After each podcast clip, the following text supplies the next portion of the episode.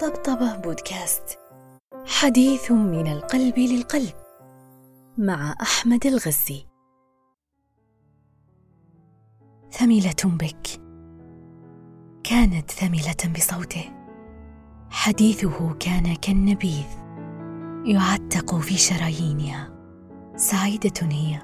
ولكن خافت أن تسكر أكثر. فأنهت المكالمة قبل أن تعتريها إغماءة السكارى. ذهبت متباطئة لتغسل وجهها بحاجة هي أن تنتعش بعد سحابة الخدر التي اجتاحتها.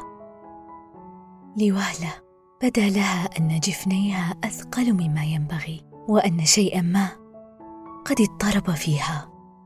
أطرافها باردة على الرغم من سخونة جسدها وشفتاها تيبست فجأة.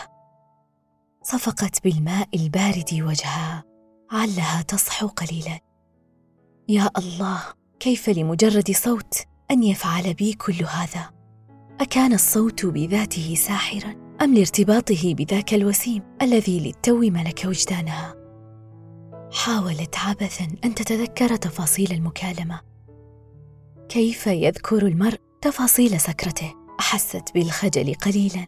ماذا لو كنت قلت كلاما لا يليق؟ هل أعجبه حديثي؟ هل سيتصل مرة أخرى؟ تساؤلات كانت تمنع عنها النوم. أو هو الفرح الذي طرد النوم. لا يهم المهم أنها سعيدة.